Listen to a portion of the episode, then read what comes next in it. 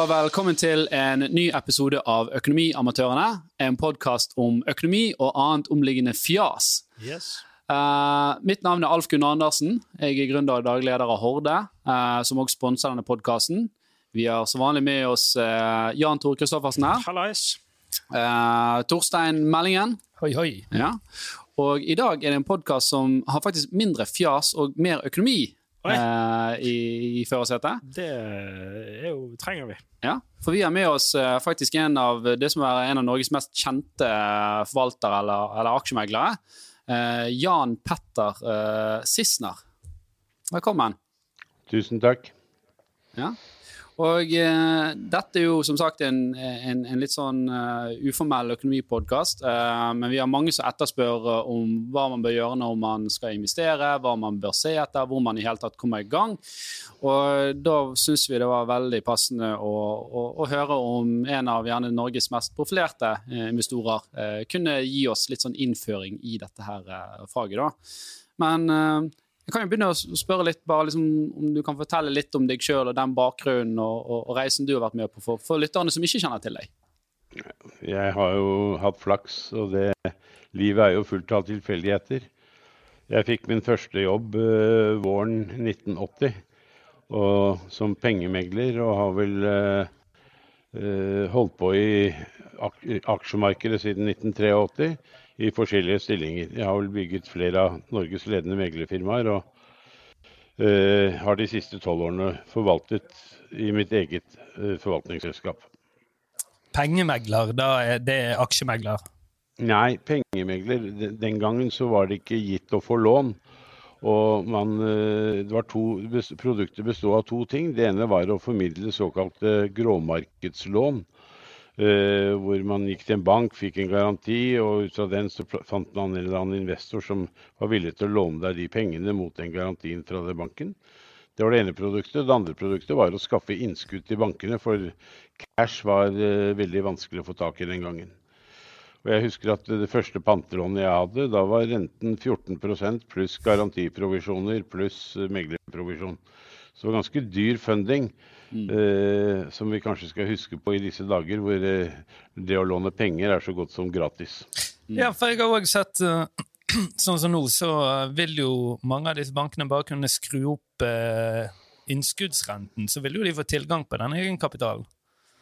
Men sånn var det ikke før? Ja, nei, det var en grunn til at renten var 14-15-16% Vi har jo i min levetid så har jeg til og med sett renter over 20 uh, og Det var ikke slik den gangen. Og så var det begrensninger hvor mye penger man ønsket å ha i bank. Man hadde ikke samme garantiordning som du har i dag.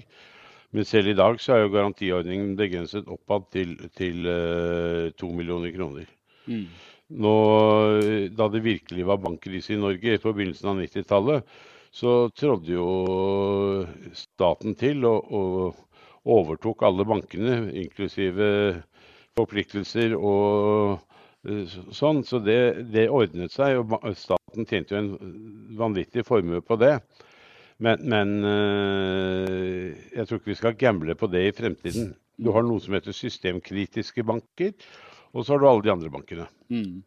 Det du snakker om der, er vel det som har vært omtalt som gjerne Norges største bankran av enkelte. da. For det som skjedde, var jo at de nullskrev aksjene til f.eks. DNB, og, og, aksjonærene ble jo da wipet ut, og så kom staten og tok over.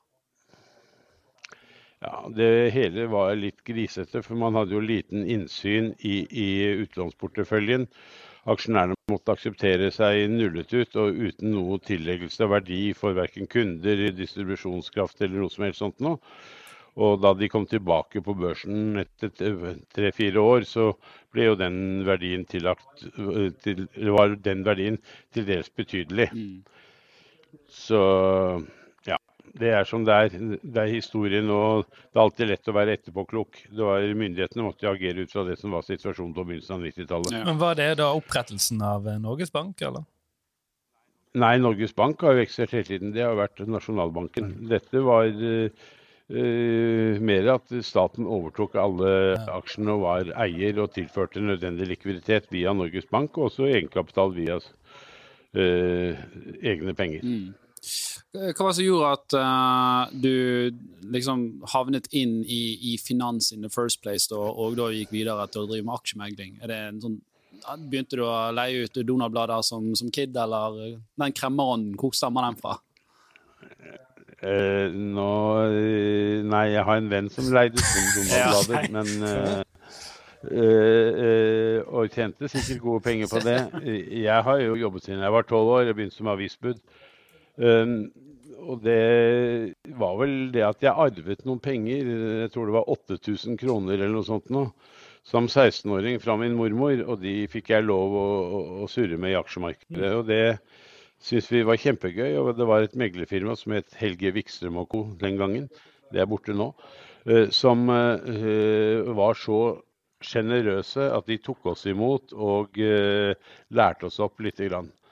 Så da jeg søkte min første jobb som uh, eh, 24-åring, så, så, fikk jeg den. Jeg var veldig heldig. Mm. For jeg var da trekvartstudert røver, og jeg skulle få den og skulle fullføre studiene samtidig. Uh, det ble til halvannendagsverk og ikke helt fullførte studier. Men sånn er det. Det var den eneste jobben jeg har søkt i mitt liv. Etterpå så har andre søkt meg heldigvis bank i bordet. Du har jo, for, for, jeg husker jeg så det en gang at du hadde, du hadde ikke helt fullført, men du hadde ramlet inn eh, i arbeidslivet litt, og så ble du på en måte trukket fra sted til sted. Eh, og endte jo, endte jo da opp eh, til slutt med å på en måte lage ditt eget fond, ikke sant? Det er eh, riktig. Nå er det jo først fra 2009 at jeg har vært på kjøpersiden i markedet. Før det så var jeg jo på salgssiden. Mm. Solgte produkter, ble sjef, bygget firmaer mm. osv. Dette fondet du har i dag, da? Eh, unnskyld hvis jeg er Jeg er oppriktig nysgjerrig. Ja, det eh, Dette fondet du har i dag, hva er det dere investerer i? Eh, hvordan er det dere gjør ting annerledes? Vi, det er mange måter vi gjør ting annerledes på. Vi har to fond. Et uh, rentefond som kjøper uh, høyrentepapirer, og som har som målsetning til å levere sånn pluss-minus 6% i året. og uh, har uh, overskjuttet det i de to og et halvt årene de har vært i virksomhet. Så har vi et aksjefond som prøver å maksimere den risikojusterte avkastningen Dvs. Si at vi oss, sammenligner oss ikke med noen indekser, for det, eh, det er i grunnen, eh, hva skal jeg kalle det, bare et tall. Men eh, nå har historien på de ni årene vi har holdt på vist at vi har slått indeksen også, da, men det er sikkert mm. Så eh, det er det det går om, å, få riktig sammensetning med den risikoen du tar og den mm. avkastningen du får. For dere har vel hatt som mål å ikke, å ikke nødvendigvis vinne på oppsiden, men å ikke tape når markedet går ned? Det er eh, helt riktig, og det er det vi har som målsetning. Og, og, eh, hvis du ser på kundebasen, så er jo det folk som syns det er viktigere å ikke tape penger enn å tjene den siste prosenten. Hvem er den typiske kunden, da? Ja, det kan være alt mulig rart. Eh, jeg tror vi har to, litt over 2000 kunder. og eh, Det sprer seg fra folk som sparer 200 kroner i måneden, til folk som har mangfoldige millioner hos oss. Så det, det varierer veldig. Minimum er 100 kroner. og kan tegnes på nettet med bank... Og, og kan tegnes på, banken på nettet okay. på, med Men tegner man direkte, da? Eller finnes dette fondet på la oss si Nordnett og den type plattformer? Du kan enten tegne direkte eller via Nordnett eller via DNB. Det er de tre plattformene vi har. Det, var noe som jeg uh, syns var veldig interessant du sa det, dette med den uh, uh, litt, litt risikoaverse tilnærmingen dette her. da, At man er opptatt av å ikke tape i, i, de dårlige årene. og dette tror jeg jo mange som begynner med investeringer, ikke helt skjønner. Sant? For det er jo det er en, en, mekanisme i dette med at f.eks. hvis en aksje faller 50% så skal den gå 100 for å komme tilbake til der den var. Uh, så, for Vi ser jo òg en, en, tendens blant unge at det er veldig sånn jag etter hva er det neste liksom, aksjen som skal gå x ganger. Uh, tror du at uh, yngre investorer hadde hatt godt av å være litt mer risikoavers? Altså brydd seg mer om risikoen? Vært mer forsiktig? Ja, det syns jeg absolutt. Og du skal ikke glemme at de fleste som deltar i markedet nå, eh, med litt få unntak, har vært med i et fantastisk eh, bullmarked helt siden 2008. Og eh, kan si at risikoappetitten blant norske retail-investorer er jo ekstrem, og det så vi kanskje spesielt under den store grønne bølgen i fjor høst, og som vel varte inn i januar måned i år. og hvor veldig mange har tapt veldig mye penger. og Hva er det man er typisk har tapt de på? Du har tapt de på masse av disse Aker-selskapene, enten det heter Carbon Capture, Aker Offshore Wind eller Aker Horizons. Er tre. Nell har jo falt mye, Scatec Solar har falt mye. Mange av de grønne aksjene har falt veldig mye, da. Den, den oppgangen som lå bak det, var jo veldig mye likviditetsdrevet og ikke Eh, hvis du hadde vært uh, ung i dag, da, uh, og uh, ikke nødvendigvis er profesjonell eller studerer økonomi, men du ønsker å, å, å, å spare og begynne å investere litt, hva, hva ville, hvor ville du begynt? Jeg tror vi er nødt til å bli litt politiske. Og, og det er noe slik at vi har de siste årene fått frem en gruppering politikere som er veldig flinke til å bruke penger, og som aldri i sitt liv har tjent en krone. Er heller investert en krone. Eh, Det betyr, og det, vi skal nå inn i Norge i en, kan du si, en endringsperiode som sikkert skal ta både 10 og 50 år. Men det betyr at uh, tilgang på kapital er en nødvendighet. Disse politikerne eh, prøver å handikappe oss best mulig ved å øke formuesskatten. Og, og eh, det, I et internasjonalt perspektiv så betyr det at man gir norske investorer et handikap sammenlignet med utenlandske investorer. Det letteste måten å se det på er hvis en utlending kjøper et norsk eiendom, så kan han ta eh, på ellers like vilkår, så har han et avkastningskrav som ligger i størrelsesorden 2% lavere enn det en norsk investor har. Dvs. si at vi kan fortsette å selge ut alle norske virksomheter. Dette kommer politikerne til å skjønne i løpet av de neste årene, når de ser at investeringstakten går ned og, og skatteinntektene går ned, selv om de setter opp formuesskatten. Det som er viktig, er at man innser at i denne endringsprosessen så skal Norge gjennom en fase hvor skatteinntektene kommer til å stupe etter hvert som oljeindustrien fases ut. Og det blir, er ikke lett å kompensere med andre eh, skatteinntekter. Det er slik at hele Norge, 330 000 virksomheter, bidrar med ca. 75-80 milliarder kroner i året i skatteinntekter. Oljeindustrien bidrar med 280. Og det er, sier seg selv at det er en umulighet å kompensere de 280 milliardene uten videre. Det betyr at når dere som vokser opp i dag blir pensjonister, så er sannsynligheten for at pensjonen dere får fra det offentlige, tilsvarer et eksistensminimum.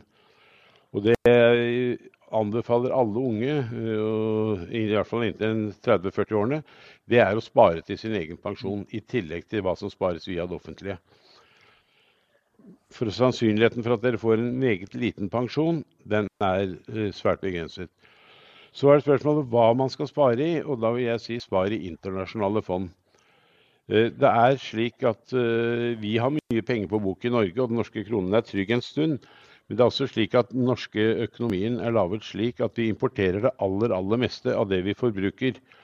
Og hvis kronen begynner å svekke seg, hvilket er sannsynlig over tid, så vil eh, alt du skal konsumere vil være, bli dyrere og dyrere. Og da har en del av de pengene i utlandet hvor vi tross alt importerer fra, kan vise seg å være meget smart. Utrolig spennende det du sier her. Du har hatt eh, noen røtter inn i politikken òg, har ikke du det? Høyre, det var noe Ja, altså jeg alle politikere, jeg. Men øh, det er jeg, øh, kanskje minst Høyre, selv om jeg har nok vært krass med Erna også. Jeg er veldig, som jeg sa innledningsvis, jeg er veldig opptatt av det fremtidige Norge. Og Derfor syns jeg at denne valgkampen har vært trist tvers igjennom, fordi alt går om at nå er det vanlige folks tur. Jeg vet ikke hva vanlige folk er, men jeg oppnevner meg selv som en del av vanlige folk. Mange er vanlige folk, eh, og, og, og det er greit at det er vår tur og at skattene skal opp. Men jeg hadde jo håpet at politikerne hadde skjønt at de skal beskatte inntekt og ikke eiendeler. For er det noe, som jeg sa i sted, er det noe Norge trenger i årene som kommer, så er det risiko, tilgang på risikokapital. Vi skal ikke glemme at av Oslo Børs så eier utlendingene to tredjedeler av det du kan kalle den frie flyten. Da har jeg tatt bort statens eierandel. Og det at utlendinger skal synes at Norge er spesielt attraktivt, uten oljeindustri, det er vel et, lite, et stort spørsmålstegn. da. Så det, Vi må bygge opp en investeringskultur som går på at vi selv skal investere, og da må vi også få lov til å høste. Mm. Mener du her at f.eks. svenskene har vært flinkere da, til å bygge opp en sånn kultur? Ja, det, svenskene har vært mye flinkere, men det er nå engang slik at svenskene har ikke hatt olje, så de har brukt alle allokeringer for å brygge masse store, flotte internasjonale mm. virksomheter. Mm. som Maurits, Eriksson, Atlas Copco. Det er flust av store internasjonale suksesshistorier som er kommet ut av Sverige. Du kan jo se hvor mange internasjonale suksesshistorier mm. Norge har. Som ikke har hatt billig, tilgang på billig energi som et utgangspunkt, eller laks som har tilgang på det flotte havet vi har. of Norway i Stryn. de fikk jo støtte av uh, Innovasjon Norge. De ble jo subsidiert herfra til glade jul, og allikevel gikk til konk. Så det er veldig ikke Nei, det, det, er veldig interessant å si det. Og, og vi som er, er gründere, har jo òg sett dette at i Norge så er det en del støtteordninger hvis du har en idé, men når du kommer opp der og du skal få den ideen opp et visst nivå, så er det altfor lite spillere på banen. Uh, og det gjør at det er vanskelig å liksom, bygge egentlig uh, gode teknologiselskaper uten å gå og snakke med utenlandske investorer uh, på et tidspunkt. Det er jo så enkelt at hvis, hvis, jeg har en million kroner, så skal jeg hvert eneste år betale rundt, med dagens regler, rundt 8500 i formuesskatt på det. Og for å betale de 8500, så må jeg jo skaffe inntekter annensteds fra. Det betyr at jeg må tjene 17 000 så er det slik at hvis du tar eh, en såkornsinvestering, f.eks. et IT-selskap, så er det ikke slik at du tjener penger i morgen og kan betale med utbytte, så jeg kan mm. betjene formuesskatten. Hvis jeg er heldig, og jeg har en sånn tommelfinger og si at enhver investering tar tre ganger så lang tid og koster tre ganger så mye penger som det du legger på bordet som en forutsetning mm. for investeringen. Og det betyr at uh, man kan, altså dette man kan uh, du kan dø av likviditetshensyn selv om verdiene finnes der lukket opp i et eller annet IT-selskap som kommer nærmere og nærmere mm. lønnsomhet hvis det er en suksess. Det tror jeg eh, det... Og det største eksempelet på det er vel Norwegian, for å ta det flyselskapet, hvor vel Kjos hadde aksjer på, for verdt et par milliarder kroner på det meste. Ingen utbyttekapasitet. Går i banken om å låne for å mm. betale formuesskatten. Og så Resten av historien kan vi jo, men det er ikke så mye igjen av Kjoses Norwegian-engasjement. Ja. Det er jo veldig interessant å si, og det, det, kom jo her For noen år siden så kom jo det eh, at du, du fikk en sånn uh, skatterabatt på, på, arbeidende kapital. Uh, og Den er jo det mange som ønsker å fjerne igjen. Følte du at det gikk et steg i riktig retning, og så nå ble det et steg tilbake igjen? da? Ja, altså det, det, der med ikke formuesskatt på arbeidende kapital er jo litt uh, sånn som så. Du har en aksjerabatt på noterte aksjer. Mm og eh, på 45% Den vil de fjerne. Men det bare er nok et bevis på hvor lite de har skjønt av investeringsprosesser og investeringsbeslutninger.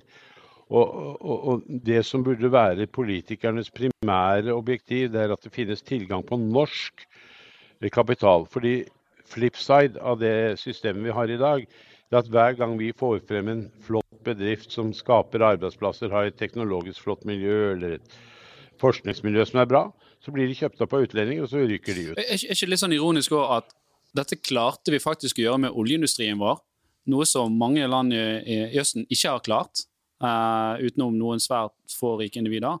Mens nå klarer vi det ikke. Altså Hvorfor har liksom den tankegangen snudd? Vi var jo veldig om at det var Norge som skulle eie liksom disse oljeressursene, og vi solgte det ikke til, til amerikanerne. Nei, men det Vel, vi gjorde vel begge deler. Men eh, vi hadde Statoil og Statoil, og deretter statens direkte investeringer, som eh, gjorde at feltene ikke ble solgt ut uten konsesjon. Så hadde den norske konsesjonslovgivningen. Staten har jo hatt et kontrollerende grep om Equinor hele mm. veien. Så kan du stille deg spørsmålet hvorfor skulle man sette Equinor på børs? Det var jo bare tull og tøys. Og, og så kan du stille neste spørsmål. Har eierstyringen av Equinor vært god? Og så er vel svaret også nei. Altså hvor mye de statlige virksomhetene har kastet bort av penger, enten det er Equinor på sin amerikanske oljesatsing eller Telenor på sin Asiasatsing. Så, og dette kan du sikkert trekke videre på andre statlige virksomheter. Så har jeg skrevet en blogg om at eh, staten er ingen god eier. Og Det er fordi man forvalter ikke egne penger. Man kjenner mm. ikke smerten når tapene kommer. Så det er privat, uh, privat norsk kapital som skal uh, stå for eierskapet? Skulle, helst, men du kan gjerne ha med deg staten, men da som en passiv mm. eier. Og gjerne gjennom alle disse kan du si, forskjellige såkornsfond og sånn som de har laget. Men, men, eh, de skal være passive og ikke aktive. Ja, for det, det har vel også noe her med Én uh, ting er jo det at du kjenner smerten, men det har jo vel òg tiltrekke seg de aller beste folkene. Hvis du, hvis, du, jobber i, en, i, det offentlige, så har du jo en begrenset oppside gjerne som, som arbeidstaker, kontra hvis du jobber for deg sjøl eller får litt uh, stake in the game. da.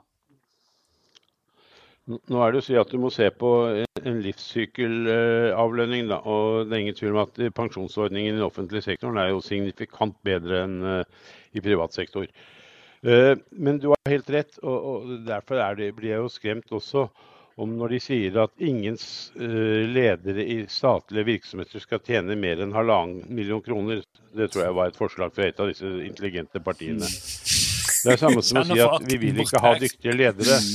For det er vel knapt nok noen leder av noen kan du si, virksomhet med en viss størrelsesorden som ikke tjener halvannen million kroner i året. Ja, det må jo være de som egentlig har en sånn filantropisk tankegang. Altså Tangen, da, som allerede har mer penger enn eh, det han sikkert kommer til å trenge. at... Ja, han teller ikke. ja. Nei, men det, det... Nei, men altså, for han er jo lønnen uinteressant. Ja. Altså, Mannen har jo mangfoldige milliarder. Mm.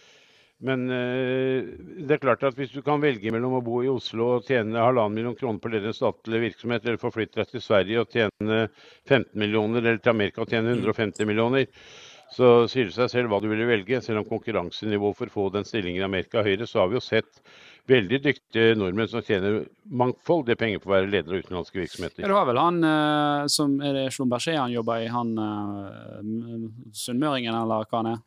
Ikke sant? Husker ja. navnet hans. Og akkurat nå fikk jo jeg jernteppe. Vi vet hvem vi eh, snakker om. Jeg vet hvem du snakker om, absolutt. Ja, men du har flere. Du har jo Helge ja. Lund som flyttet ut og ble sjef for British mm. Gas. Uh, du har han som ble sjef i, i Danske Bank. Det er mange nordmenn. Du har eh, forskning- og utviklingssjefen i Roche, som bor i Sveits og sikkert tjener en formue kampen om beste, de beste hodene vil bare tilspisse seg. Det er litt sånn som med fotball. Altså, du må ut i utlandet for å tjene gode penger. Ja, og du må betale mye for de beste spillerne. Selv i Norge kan Jeg tror ikke det er noe synd på Therese Johaug og disse her. De tjener vel greit med penger, Aksel Lund Svindal og sånn. Men skal du tjene de virkelig gode pengene, så bør du nok uh, reise det gjorde jo, det gjorde jo du. Hovland kommer til å slå alle de andre. Du reiste jo ut, gjorde ikke du det? Jo, men eh, det var mer en dyd av en nødvendighet. Men eh, ja, jeg var to og et halvt år i London og lærte jo en helt annen måte å jobbe på og fikk en helt unik kundebase. Hva tenker du er forskjellen? Som jeg har hatt nytt godt av siden. Altså når du sier Hva? en helt annen måte å jobbe på? Hva? Den var mye mer profesjonell enn det jeg hadde opplevd i Oslo frem til da. Eh, nå hadde jeg bare to-tre års erfaring, men du vet, arbeidsmetodikken, grundigheten i analysene, øh, kunderelasjoner og alt var fullstendig forskjellig fra det jeg var vant til mm. før jeg dro ut. Så det var tettere bånd mellom megler og kunde? Derfor er jo mitt, mitt Ja, på en måte var det det, men det var også mer profesjonelt. Jeg, jeg har jo, jo, altså Hvis dette er til unge mennesker, så vil jeg si at eh, kan man få med seg noen års erfaring fra utlandet, så er det mm. vel verdt. Ikke bare får man med seg språket, men man får med seg en annen kultur, en annen arbeidsmoral. Ikke nødvendigvis bedre, men man får sett mer. Syns du det er litt sånn for mye snillisme her i Norge, at alle skal ha det godt og alle skal jobbe behagelig og sånt, og at man har egentlig godt av, av hardere, et hardere arbeidsliv da? Nei, jeg, jeg, det er noe som heter 'managed by terror' eller 'managed by law'. Og jeg er nok en tilhenger av det siste. Men når det er sagt, så må det også være lov å stille krav. Uh, og folk som performer, må kunne få lov å tjene mer enn folk som ikke performer. Og, og, og, og generelt i arbeidslivet vil jeg si at jeg tror terskelen mellom lavtlønnsyrker og uh, kan du si sosiale bidrag er litt for lav. Det må lønne seg å jobbe uansett hvilken jobb du har. Og så gjelder det å ha respekt uansett hvilken jobb du har. Jeg respekterer Altså man skal respektere alle mennesker. Eller ha respekt for alle mennesker. Men uh, det er ikke det samme som å respektere den jobben de gjør. Mm. OK. Uh, Hvis du så den nyansen. Den er litt liten. Jo, jeg- men, Nei, eh, nei, den var grei å se, da. uh, så så du er, det virker som du er litt sånn bekymret for framtiden til Norge. Da. Tror du liksom vi er et, et, et u-land om 30 år? At vi har drept oss ut? Nei, men Norge kommer aldri til å bli et u-land. Altså, hvis vi ser på Norges fordeler, da. Per i dag så har vi en av verdens høyest utdannede befolkninger. Men de forsvinner jo Eh, ut. De aller fleste er i hvert fall to De forsvinner, de, forsvinner, de smarte hodene forsvinner jo ut. For det, Ja, det er det en fare for. Og derfor så må vi slutte å si at uh, vi skal ta de rike, vi skal ta de suksessfulle, for da forsvinner de ut hvor de kan drukne. Eh, og likevel ha kjempesuksess. Vi må stimulere folk til å yte en ekstra innsats, og vi må honorere de som gjør en ekstra innsats. Eh, og man må tåle at det er andre fotballspillere eller golfspillere eller tennisspillere som tjener Mm. mye penger. De som gjør det bra i næringslivet, må få lov til det. Statlig eller privat. mm. Det er jo en litt sånn uh, god bro over til, uh, til spørsmålet hva er den beste investeringen du har gjort privat? Og i selskap for den slags. Nei, jeg tror den beste investeringen jeg har gjort, det var uh, tilfeldig. Det var flaks, og det var å begynne med aksjemegling. Uh, og så er den andre best, nest beste investeringen jeg har gjort, det er å jobbe knallhardt hele livet. Uh, egentlig fra jeg var liten til jeg ble gammel. For det, den største verdien du besitter som 30-åring, det er din fremtidige inntjeningskapasitet. Du kan gjøre akkurat hvilke investeringer du vil, men hvis du velger har flaks, velger riktig yrke og får betalt for å være dyktig og jobbe hardt, så er det den beste investeringen du kan gjøre. Hvis du skal tenke enkeltaksjer, så var vel den beste investeringen i enkeltaksjer var å kjøpe Storebrand-aksjer høsten 1992 på 50 øre. Eh, Da enkelte trodde at Storebrand skulle gå konkurs også. Den aksjen står i dag i 150-200 kroner eller noe sånt. Det er jo en fin Men det å ha penger når ingen andre har penger, det er veldig viktig. Det er slik Kjell Inge Røkke ble ordentlig rik, Mm. og det er slik eh, andre jeg kjenner har tjent masse penger ved å ha penger når ingen andre har det. Ja, så det, så det der med å, å på en måte Jeg vet dere går i derivatmarkedet av og til for å liksom hedge vekk muligheten for å, å tape masse når markedet faller. Det er ikke bare for at man ikke skal tape mye der og da, men det er også så man skal kunne reinvestere i selskaper som taper mye, da. Det er, jeg elsker jo å se etter tapere. Og, og uh, en av de første bøkene eh, jeg leste, var en bok som Jeg husker ikke forfatteren, men den het 'Panikk og krasj og hvordan tjene penger på dem'. Eh, og for de som lurer på hva man da skal gjøre, skal man lese Rudyard Kiplings 'If'.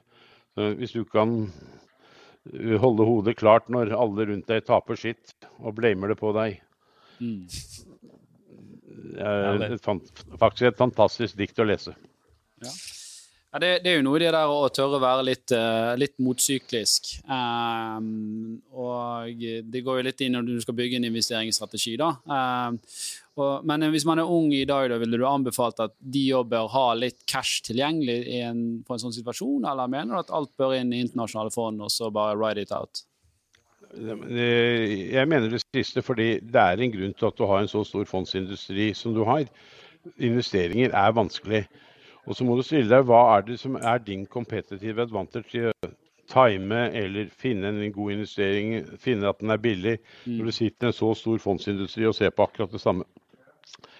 Eh, Det er klart at hvis du har en spisskompetanse innenfor farmasi eller andre næringsområder, så kan du ha eh, value added. Men bare å sitte hjemme og lese avisen og synes at nå er Norwegian billig, for den har falt fra 300 kroner til 7, og glemme å gange opp med antall aksjer, Ja, det det da kommer du til å brenne deg ganske kraftig. Og her eh, sa du noe tidligere som jeg tenker, hvis du kunne forklart det litt tydeligere. Du sier at det er likviditetsdrevet istedenfor fundamentalt drevet. Det tror jeg er noe som er interessant å høre litt mer om for våre lyttere. Jeg at Jeg skjønner ikke, ja, men jeg, jeg vet ikke hva det betyr. Altså, jeg, for, da- jeg skjønner ikke hva det betyr. Det, det er ingen grense for hvor langt likviditet kan drive et marked. Og når renten er null, så er det klart at uh, det sitter veldig mye penger på sidelinjen. Uh, Nå tror ikke vi at renten skal være null så mye lenger, og første steget så vi i dag fra Norges Bank. Uh, Når det gjelder likviditetsdrevet i de grønne aksjene, så var det jo veldig på moten med liksom grønn bølge. Alle skal være såkalt ESG-compliant, får taksonomien i, i EU osv. Så, videre. så var det en masse penger som jaget altfor få investeringer. Og da eh, er svaret at de kursene går og går og går og går. og uh, Et eksempel på det er jo å se på Ørsted, Vestas eller her hjemme Scatec Solar som jo gikk fra 110 kroner opp til 400 nesten, og nå er tilbake igjen i 170. Mm. Så. Og her eh, prøvde jo du å, å, kjøre litt motsyklus, sant? Da ville jo du Du satt jo i Tesla og er sikkert lei å prate om det, da, men det, jeg, jeg, tipper det er spennende og relevant for vår lyttermasse. Satt og shortet den en stund. Ja, så, ja, vi er fremdeles short Tesla, vi. Og, og det skyldes altså du har en bilprodusent som i dag koster 50 milliarder dollar sorry, 500 milliarder dollar eller 450. Det koster altså like mye som Oslo Børs, og produktet deres er 500 000 biler i året. Ja, det kommer til å stige, men gevinsten deres er å selge grønne kvoter til uh, andre bilprodusenter som fremdeles produserer fossile biler. Vi mener, og Tesla var veldig tidlig ute. De hadde et gigantisk kompetitivt fortrinn ved å være Eh, mye tidligere ute i markedet. I dag er det ikke det lenger. Produktet er ikke noe bedre enn eh, en Mercedes eller en Porsche eller en Volkswagen eh, elektrisk bil. I hvert fall ikke nevneverdig. Kanskje har den litt lengre rekkevidde, men det er ikke vesentlig bedre. Og når du da tenker på at verdens bilproduksjon la oss si Volkswagen produserer 10-12 millioner biler i året, sorry, 8-10 millioner biler i året, så er de altså 16 ganger så store. Og Tesla koster like mye som ca. halvparten av verdens uh, øvrige bilproduksjon. Altså av de 99,5 millioner bilene som produseres i året, så uh, av andre, så uh, kunne du fått kjøpt 47,5 millioner biler. Ja, okay. For samme pris som du kjøper Tesla. Så, så... Det ble litt komplisert? For, for, men, ja, for, for, å bare forenkle litt, for, for, for det, jo, det, det, er jo et veldig bra resonnement der. Jeg tror jeg skjønte det faktisk. Så, så, så, prinsippet er egentlig du mener at den aksjen er priset altfor høy nå i forhold til det som er faktisk underliggende verdier, og så har du shortet den. Kan du forklare litt? Hva, hva vil det si faktisk å shorte en aksje? Vi, vi, har ikke shorta, men vi har brukt noen penger på å, å vi har brukt noen penger på å kjøpe en salgsopsjon en rett til å selge Tesla i en viss ja. periode. Og for å funde det, så har vi gitt noen en rett til å kjøpe Tesla oss uh, litt høyere enn der vi befinner oss i dag. Okay. Så putteopsjoner, eller? Vi har kjøpt puttopsjoner og solgt ja. call-opsjoner. Okay. Veldig godt oppsummert. Men kjapt, jeg er ikke helt ferdig med Tesla. ja. jo, jo, men det jeg skal si at man, man vedder egentlig på at Tesla skal falle. Uh, og du skal få de spørsmålene òg. Men jeg også et spørsmål jeg har veldig lyst til vi kan gå inn på. på, på det er jo liksom, Hva gjør man når den liksom fundamentalanalysen Du forklarte jo veldig enkelt her hvorfor Tesla aldri bør vært priset høyt som det. Hvorfor er det sånn, og hva gjør man liksom når den sånn fundamentale analyse bare feiler? Ja, altså Det vi gjorde da vi skjønte vi tok feil, det var jo å kutte tapene.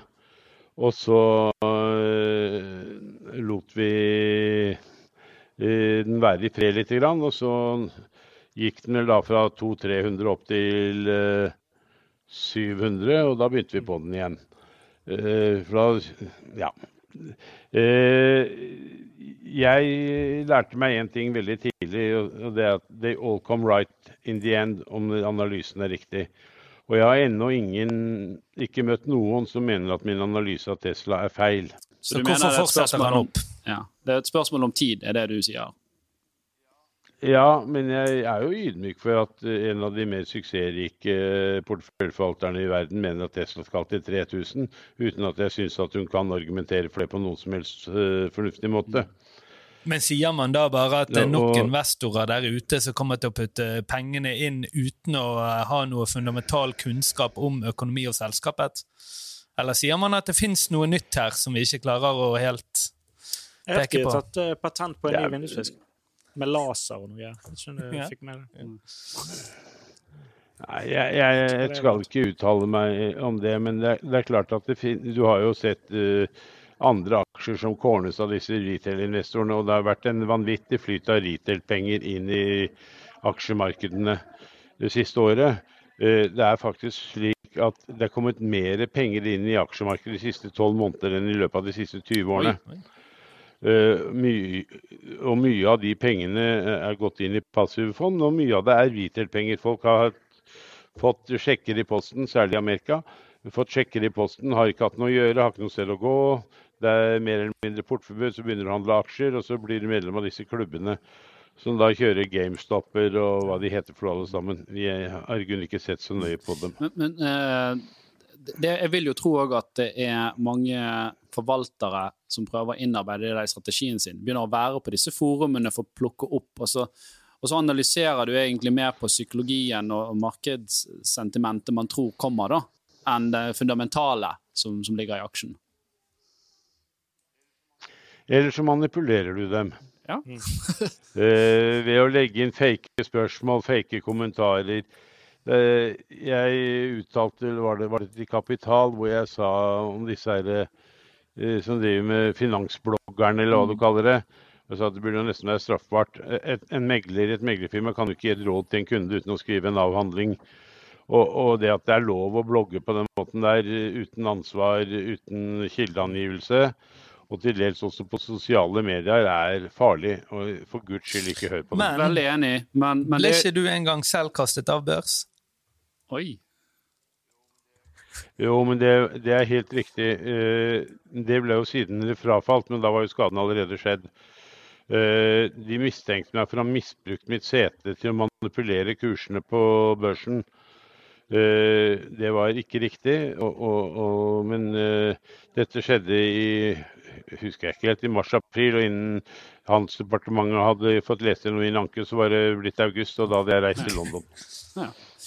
Nei, eh, veldig spennende. Og jeg husker jo eh, eh Jeg jobbet jo selv nesten ti år inn, innenfor finans, og jeg husker liksom fra 2010-2011 og opp til 2018 når jeg sluttet. Den, når Bifid kom og alt dette som du måtte ha på plass for å kunne selge bare et fond til en kunde, Uh, så, så, det er jo ikke lett å, å være den type uh, aktør i dag.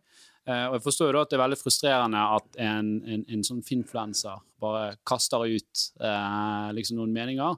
Men så har jo man liksom en form for hvor går grensen fra der at det er ytringsfrihet og meninger? Altså skal, man, skal det være sånn at man må være autorisert for å få lov å komme med noen mening på en aksje, da? Nei, overhodet ikke. Men du som tar imot disse meningene, må være klar over risikoen og kravene som stilles til en, si et meglerfirma eller en megler, og hva som skal, de manglende krav som stilles til en influenser. Mm. Og, og, hva egeninteresse denne influenseren har, da? Det jo... Ja, det skal du jo aldri utelukke. Og om det ligger noe hedgefond bak som eh, ønsker å spre stygge rykter og misbruker media og journalister er jo ikke alltid ofte kildekritiske. Oi, så det er såpass Det kan være såpass skittent?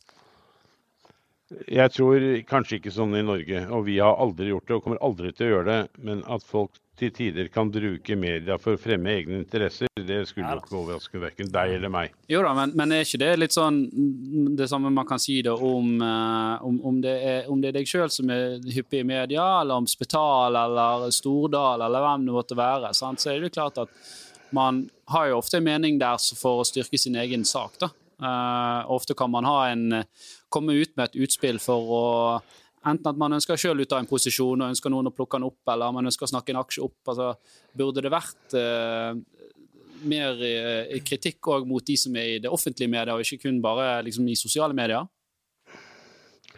Jeg tror man over tid uh, vil legge merke til de som prater for sin syke mor, og de som genuint, uh, gir genuine råd. Og nå skal ikke jeg skryte av meg selv, for det blir feil, men jeg tror at de fleste vil oppleve meg som helt genuin og at jeg kun sier det jeg mener. Og i enhver sammenheng, på godt og vondt. Mm.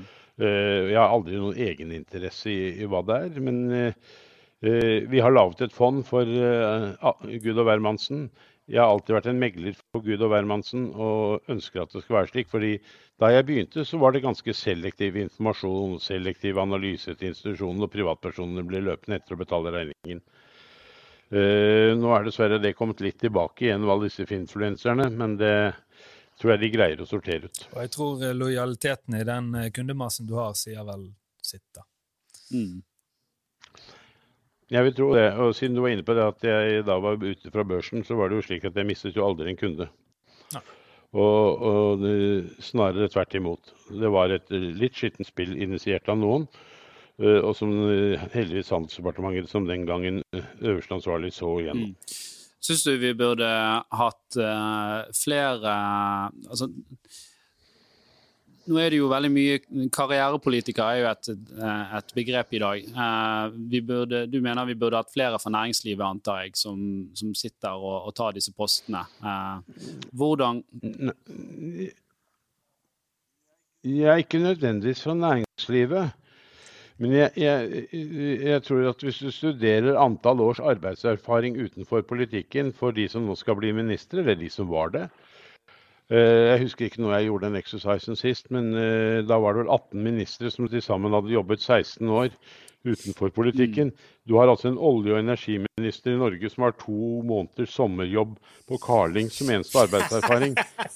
Jeg tror ikke du skal Altså, Med all respekt for Tina Bru, men, altså, du, du, lærer noe i et næringsliv. Du lærer noe i en jobbsituasjon. Ja. Så du mener jeg ja, det, altså, det, er noe, det, er ikke noe, bedre med de andre ministrene. Det var ikke noe bedre under Stoltenberg-regjeringen heller. Ja, Poenget mitt er da Hvordan kan de være for vanlige folk, da? For de er jo ikke vanlige folk.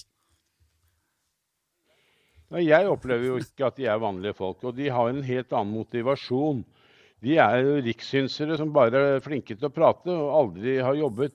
Og Hvis du ser på øh, denne gjengen som styrer Oslo nå, så er det jo akkurat det samme. Mm. Jeg vet ikke om Raymond Johansen sto til svenneprøven, men øh, jeg er ikke sikker. Han har i hvert fall ikke mesterbrev. Og, og, dette er folk som skal styre titalls av milliarder kroner og store prosjekter, enten det er vannprosjekter eller hva det er. Men de har vel rådgivere med seg? ikke? Ja. ja, de har et embetsverk under seg, men det er jo de som er den siste mm. ansvarlige. Og de har passet på at prosessen er gått ordentlig, at det er ryddig osv. Jeg beklager, altså, men jeg har null respekt. Og jeg har jo vært en av de som sier at kanskje vi burde stille krav for å komme inn på Stortinget at du la oss si, ha minimum ti års arbeidserfaring. Da fra et mm. eller annet. Skole eller næringsliv eller Men at du skal ha ti års arbeidserfaring på, ja, på rumpa. Det er det.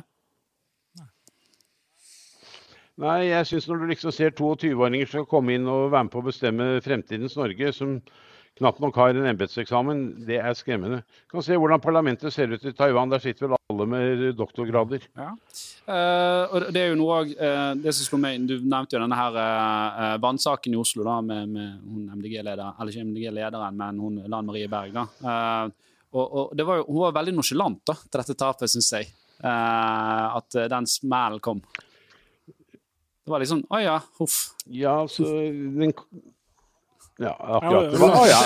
det var dumt. Det, kunne ikke jeg noe for. grunnforhold. Det var stigninger i byg, byggeprisene. Det var det ene. Men det var det samme liksom når du liksom kjeftet på Reno, eh, Norden-sjefen, som eh, var ansvarlig for, ren, for, for søppelinnsamlingen i, Os i Oslo. Og som du legger press på, og som begår noen eh, kanskje overskridelser ved å til, tilby folk å jobbe for mye osv. Så får han smekk på fingeren og fengsel. Lan Marie har mange flere, eller som øverste ansvarlig, mange flere brudd på de samme bestemmelsene etter at hun overtok. Det var ikke noe ansvars... Uh, at hun tar ansvar selv. Uh, hun skjønner ikke at dette var noe tema i det hele tatt. Hvordan kan vi ta tak i dette? Det må velgerne gjøre, og begynne å velge de partiene som faktisk har folk på listen sin. Hvis vi finner noen, da. Eh, som eh, har mm. folk med arbeidserfaring. Og det er ikke lett. Det er ikke Nei, lett i det hele tatt. Folk jo hovedsakelig ut fra en, fra en egeninteresse, i stor grad. Selvfølgelig finnes det de som ikke gjør det. Men, eh, og, og da er det jo òg Burde vi hatt høyere lønninger til politikere da, kanskje? For å gjøre det mer attraktivt for smarte mennesker? Flere pendlerboliger. Flere pendlerboliger. Nei, men du, kan, du kunne f.eks. si det følgende, og det er jo at ingen skal tjene mindre i, når de går inn i politikken, enn de har gjort de mm. siste tre årene i snitt. Og er det da, eh, Så får du tåle at uh, kanskje en stortingsrepresentant tjener én million, mens en annen tjener tre. For du, du, vil, du, vil, jo veldig gjerne ha de mm. flinke menneskene inn på Stortinget òg.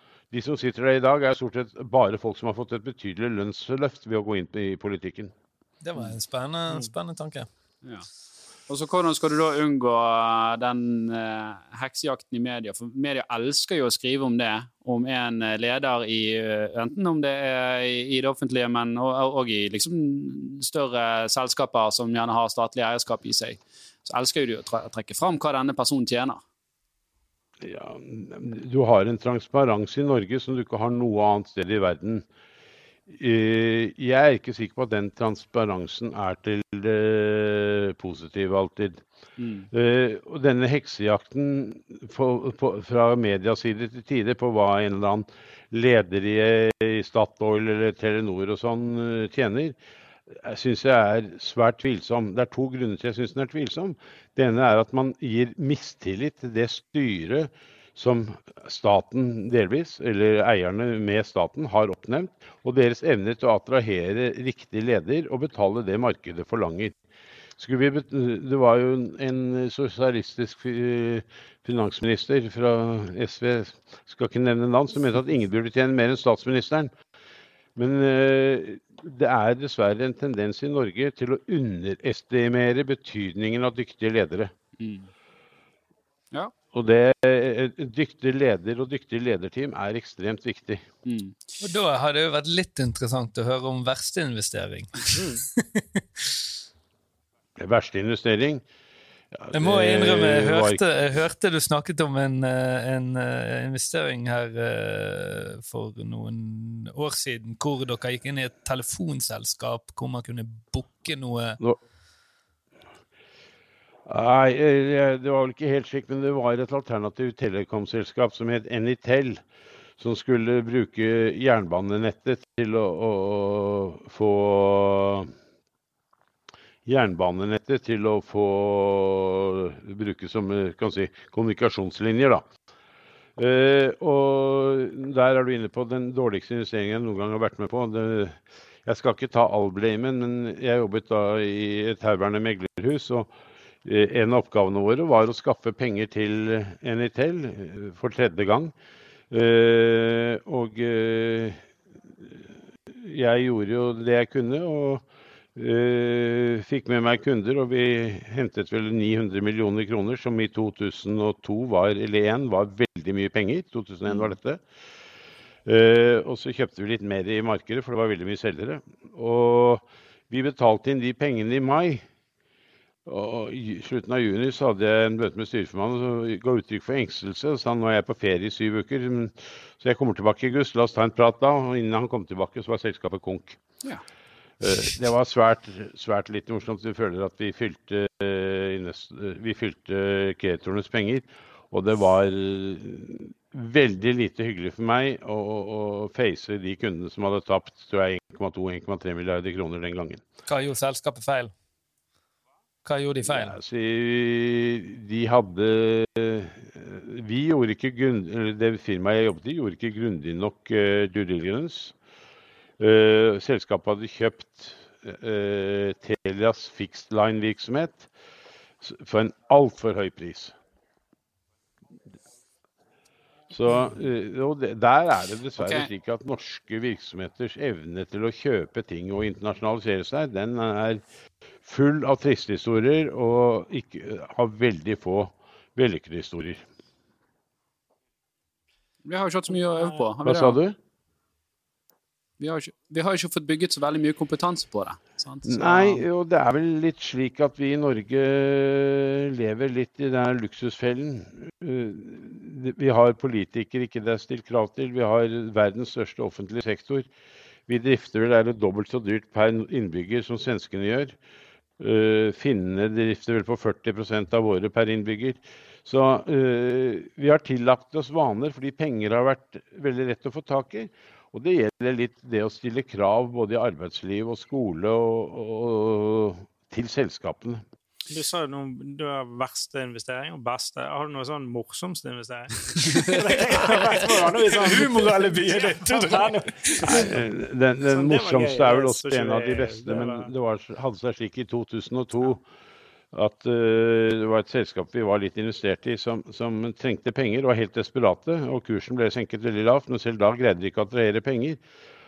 Og sammen så hadde jeg en liten stall som hadde hatt en hest, og den hadde vært litt flink til å løpe rundt og tjene penger. Så der hadde vi litt penger. Så dette var vel våren 2002, hvis jeg ikke husker feil, så puttet vi inn eh, en del av de pengene. Og fra den våren 2002 til selskapet gikk på børs i 2008, så, så 40-doblet vi de pengene. Og det eh, var jo veldig morsomt at stallen hadde penger, men ingen av eierne hadde penger. Verdier hadde man, men hadde ikke cash. Så det syns jeg var en morsom investering. Men eh, for øvrig så har jeg ikke så mange morsomme investeringer. Ok, Men la oss gå litt tilbake på uh, dette med, med, med, med, markedet nå. For du nevnte jo litt tidligere at uh, nå har jo det vært et uh, Det må jo være et av de lengre bullmarkedene vi har hatt i moderne tid, i hvert fall. du må tilbake til 2008 før du fikk en skikkelig trøkk. Vi har hatt noen små, sant? Og, og, og, mye av det, dette er jo drevet av lav bankrente, som gjør at det er lite alternative plasseringer da, for en investor. Uh, nå er jo renten på vei opp. Ser du for deg at det er mørke skyer på horisonten nå? Altså, det er jo ikke noe alternativ til aksjeinvesteringer når renten er null, eller om den er null eller en kvart eller én eller to prosent, spiller ikke så veldig stor rolle. Men jeg syns det er en del mørke skyer i horisonten. og det, eh, betyr ikke at jeg tror man skal ut av aksjemarkedet. Det finnes masse fremdeles moderat pristede blue chips. Men, men uh, det er noen mørke skyer i horisonten. Det ene er uh, disse supply chain, altså supply chain-problematikken med bottlenecks hele veien. Som jeg er helt sikker på kommer til å være både inflasjonsdrivende og ikke minst kommer til å ødelegge resultatene for tredje kvartal. Uh, og dermed så tror jeg de tallene kan bli litt dårlige. Og så er det det jeg er mest redd for, er jo taxman. Altså det er masse det trengs masse stimuli i økonomien. Det har vært mange stater som har brukt altfor mye penger de siste halvannet årene i forbindelse med pandemien. De pengene må inn, og det betyr at sannsynligheten for at skattene skal opp rundt omkring i verden, den er ganske betydelig. Når skatten stiger, så går det rett på bunnlinjen. Og da stiger multiplene. Og hvis det skjer samtidig som aksjemarkedet, uh, samtidig som renten stiger, så vil aksjemarkedet lide. Ok. Uh, en annen ting som vi vet hvert fall lytterne våre er veldig opptatt av, det, det er jo masse unge mennesker, det er jo krypto. Har du gjort noe der? Jeg eh, kan ikke nok om kryptovaluta. Jeg har gitt ett råd til mine kunder hver gang jeg blir spurt, og da sier jeg 'stay away'. Og jeg skjønner ikke noe av det. Du var selv inne på i sted Mifid og alle de reguleringene. Uh, og, og uh, jeg kan ikke se for meg at kryptovaluta plutselig uten reguleringer skal få en uh, betydelig presence. Så innser jeg at det har vært helt feil hittil. Men vi har ingen, og jeg kommer ikke til å ha noen kryptoinvesteringer, for jeg skjønner ikke noe av det. Har, det viktigste, når du kjøper en bitcoin, så er du helt avhengig av at det kommer noen etter deg som er villig til å enten ta den imot til kostprisen din, eller kjøpe den av deg dyrere. Når du kjøper en dollar, så er du litt avhengig av det samme. Men det du har, det er at du har hele den amerikanske befolkningens evne til å skape verdier i all evighet fremover. Det har du ikke når det gjelder bitcoin. Mm. Så det er ingen underliggende verdi som er i hvert fall veldig tydelig. da. Det er jo noen bruksområder der, men, men jeg har jo argumentert for det samme. Jeg sliter med å se hvordan det skal løse problemer på en måte som gjør at det blir verdiskapende. I hvert fall sånn som teknologien er i dag. Jeg, jeg uh, har ikke noe tro på det. Så stay Nei. away er rådet. Ja. You heard it here, you heard it here, sier. Skal man binde renten? Boligrenten? Jeg har gjort det. Det skyldes veldig enkelt det at jeg vet hva jeg har råd til, og jeg orker ikke ende i en situasjon som jeg ikke har råd til. Uh, jeg gjorde det for et halvt år siden. Det var ikke riktig timing. Men jeg tror ikke det er noe billigere å gjøre det nå. Uh, jeg må betale 2,5 rente de neste ti årene. Det lever jeg godt med. Mm. Uh, og jeg kan innfri, og det er sånn over- og underkurser til enhver tid. Det er ikke alle som mm. tillater deg å innfri til underkurs hvis renten har steget, men det kan jeg gjøre. DNB har det produktet. så jeg vil si sett deg ned og analyser. Har du råd til at renten går i 5% hvordan vil det påvirke din eh, daglige økonomi? Og du skal ikke langt tilbake i historien for at boliglånsrenten var 5 mm. Så men, men tror du det er to... tror du det er sannsynlig, da? Tror ikke du at hvis du høyner renten sånn at du bare vil wipe ut alle norske husholdninger, eller en stor del av de, og da får du krasj i, i boligmarkedet, og da har du det gående? Nå var, vel, nå, nå var vel Øystein Olsen ute og sa at vi får tåle at boligmarkedet faller litt. Eh, det er sånne kommentarer som jeg ikke syns er spesielt intelligente. Det er mange unge som har kommet inn i boligmarkedet nå, og som har gjeld på 85% og X ganger loan to value. Ja, der er dere begge to. 95, ja, det skal du ikke si høyt, for du har ikke lov til å låne med en 85. Men da har vel kanskje mammaer og pappa da mammaer og pappa stilt tilleggsgarantier. Nei, det har de ikke. de har, de har vel noe sånn 10 Jeg sier til deg at jeg er helt enig, det er ikke veldig sannsynlig at renten skal til 5% men det kan skje. Mm. Og uh, det er der jeg uh, altså, i, For oss som opplevde boligkrasjet i 92 av 90, så var det ikke så mange som trodde at eiendomsprisene skulle halvere seg hvis du spurte dem i 89. Det gjorde de. Og det var jo folk som gikk i banken og sa at her, ta nøklene, huset er tømt, jeg orker ikke mer. Just keep it. Bye bye. Mm. Og, og man måtte være veldig kreativ den gangen. Det er ikke, det er ikke Uh, sorry. Det er ikke alltid at det som er sannsynlig, inntreffer. Altså, hadde, Du hadde ikke hatt et krasj i 87, 89, 2008 og sånt noe hvis du hadde trodd det var sannsynlig. Nei, Nei det er sånn. Ja, det er godt. Det, er Så det, det, handler om å analysere. Hva har jeg råd til? Har jeg råd til å betale 2% Ja, det er jo dagens rente. Eller 1,8 eller 1,5 eller hva du betaler. Og så kommer den til å stige i morgen med 25 punkter, tipper jeg. Uh, og så er spørsmålet hva har jeg råd til? Hvordan er min cashflow, og hva greier jeg å betjene? Og sørg for at du har den. fordi så lenge du har cashflow til å betjene, så vil bankene la deg være i fred. Selv om du kommer under vann. Mm. Du sa, du sa, Apropos det du sa nå, du sa du har bindet den, sant? Uh, og så har du noe du pleier å si jeg, uh, ja, jeg har en del penger, men jeg har ikke råd til å tape de, for jeg har ikke tid til å vinne de igjen. Ja, det er et av mine utsagn, det. Ja, det er det. Du, du, du, har sagt det flere ganger, noe i litt forskjellige vendinger. Kan du forklare litt rundt det? Ja, altså, jeg er 67 år snart. Eh, hvis jeg tapte alle pengene som jeg faktisk gjorde som eh, jeg tenker meg 83, jeg var 18 år, da tapte jeg 73 mine. Da hadde jeg tjent litt penger i aksjemarkedet gjennom den oljeboomen vi hadde. Så tapte jeg alle sammen. Da hadde jeg mange år å tjene penger opp igjen på.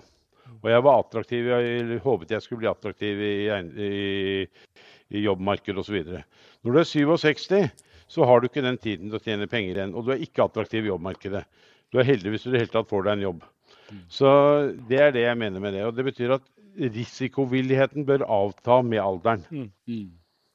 Ja. Er det en oppfordring om risiko til yngre? Jo yngre du er, jo høyere Nei, jeg syns ikke det. For jeg, jeg syns at yngre skal også Det er stor forskjell på om du liksom sier at jøss, jeg har kjempetro på det eh, segmentet, bitcoin eller hva det er. Jeg putter inn 5000 kroner, og taper jeg dem, så spiller ingen rolle for meg. Og mangedobler de, så er de happy. Men hvis du har la oss si 100 000 kroner og, og, som du har arvet eller et eller annet, og putter alle de pengene inn i high risk, det er helt galt. Mm.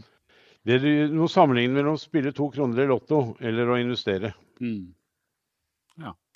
Uh, jeg, må, jeg, må, spørre litt, uh, for vi kjenner jo deg som sagt fra, fra, fra, den jobben du har, og det virker jo som du har en veldig sånn, ha, altså god arbeidsmoral. Men, men, har du noen hobbyer utenom uh, jobb og investeringer?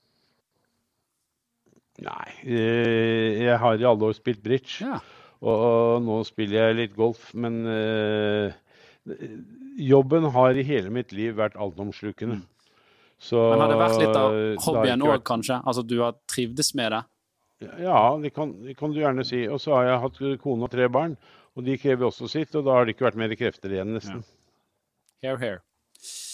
Veldig bra. Eh, jeg tror vi, Dette var jo superbra. Jeg føler Vi har bare spydd ut masse spørsmål her. Så det har vært veldig, veldig gøy å, å, å lære eh, og høre mer om din historie. Eh, litt sånn Avslutningsvis så spør vi eh, alle gjestene hva er liksom ditt beste life hack? Altså litt sånn rar sak som du har funnet ut at ah, det der er der, det, var, det er bra. Altså, hva er det beste sånn litt utenom det vanlige tipset du har? At man skal være klar at det er veldig mange penger i livet det ikke er verdt å tjene. Det Jeg var nettopp kjøpt av uh, Orkla tilbake i 1994 og, og, møtte Jens B. Heyerdahl. og Han var veldig nervøs, for jeg hadde jo min uh, fortid. Uh, og det han sa til meg da, første gangen jeg møtte han, at Jan Petter, du må huske på én ting. Det er veldig mange penger det ikke er verdt å tjene. Med det så, og det har vært en ledesnor etterpå. Du kan kutte mange hjørner, se smart ut, tjene litt penger. Men at the end of the day så den, kom, går det en nemesis gjennom livet som gjør at det kommer til å bli oppdaget, og du kommer til å bli knust. Handler dette om, om eh, personlig moral eller faren for straff? Oi. Det, jeg tror det handler om begge deler, mm. uh, for å være helt ærlig. Fordi uh, uh, moral er viktig, og det er faktisk Faren for straff er alltid der. Men faren for straff er én ting, som et år i fengsel eller halvt år i fengsel. eller hva det skulle være. Jeg tror den sosiale nedgangen ved å bli tatt i snusk, den er mye verre enn den fengselsstraffen eller boten du måtte få. Ja. Og jeg tror vår kjære Kristelig Folkeparti-leder, eks-leder, han kjenner godt på det i disse dager. ja. Ja, men, tusen takk for tiden din, eh, Jan Petter. Det var mm. kjempegøy. Uh, har dere noe sånn avslutningsvis dere lurer på? Jeg har én ting jeg er litt nysgjerrig på. Ja. Uh, snittrente i fondet ditt siste fem årene versus snittrente i, på Oslo Børs siste fem årene. Hvis det blir den riktige sammenligningen. Snittavkastning? Det er jo ikke det, for du skal jo alltid ha en viss en. Men da må jeg faktisk inn og skrive litt på skjermen her, men det skal du jo få. Da kan noen spørre noe jeg har fra start. Fra start har jeg. Eh, men det akkurat de siste fem årene men Hvorfor vil den ikke skrive her, da? Og Det er fordi du står oppe den. Beklager, jeg måtte flytte litt på dere. Gi meg et sekund. Skal Dette bare supersjarmerende. eh, sånn. Og så skal vi ha en COMP. Så vi tar Oslo Børs, da. Det er akkurat fem øre. OBX. Eh, sånn. Ja, den har ikke vært ikke noe sånn veldig heldig for oss. Eh, de siste fem årene så har Oslo Børs steget 12,6, og vi har steget 10,6. I den eh, sammenheng så bør du huske på at vi har hatt en risiko som har ligget på ca. 67 mens børsen jo naturligvis til enhver tid er 100 ja. investert. Ja, så det er risikojustert avkastning som er viktig? Ja, for våre kunder så er det jo det. Nå traff du vel kanskje litt sånn der dårlig, for jeg syns du først tar meg der. Nei, nei vet du hva, det må, bare, det må jeg bare si, for jeg skrev det nå mens vi satt her i poden. Jeg har ikke jaktet dette her. Jeg har ikke jaktet et tall som nei, var gunstig. Nei da, men uh, vi kan jo ta fra start, for det er like mm. interessant. Og hvis du tar fra start, så har vi 13,58 mens eh, OBX-en har 10,47, og vi har fremdeles vært to, to tredjedels investert omtrent. Ja, og hvor lenge siden, hvor, hvor, mange år er dette over? 30. 30. april 2012, så, sånn uh, litt over ni år. For jeg som uh, ikke skjønner så mye, da har dere da gjort det bedre enn Oslo Børs, men med en, og med en betydelig lavere risiko. Ja. Så det er riktig. Og vi har ikke valutagevinster inn i dette, bare for å ha sagt det òg. Og navnet på fondet? Navnet på fondet er Sissener Canopus. Så da kan jo man prøve selv. Ja. Kjøpe Oslo Børs uh, i, i, i, morgen og uh, i dette fondet, og se om det går. Minimum 100 kroner. Det var minimum. Men du vet at hvis du kjøper indeksfond, så vil du aldri slå børsen? Jo, du kan uh, Balansering, jo, balansering av aksjene og så videre. Nei, men Dette var en superinteressant samtale. Eh, tusen takk for tiden din, eh, Jan Petter Sissener. Eh, jeg håper du òg har kost deg, og at det er gøy å få snakke med, med våre sluttere. Eh, er det noe sted Hvis de, de syns at dette var en veldig smart mann, hvor kan de eh, finne ut eh, mer om deg eller følge deg? Er du på Twitter eller?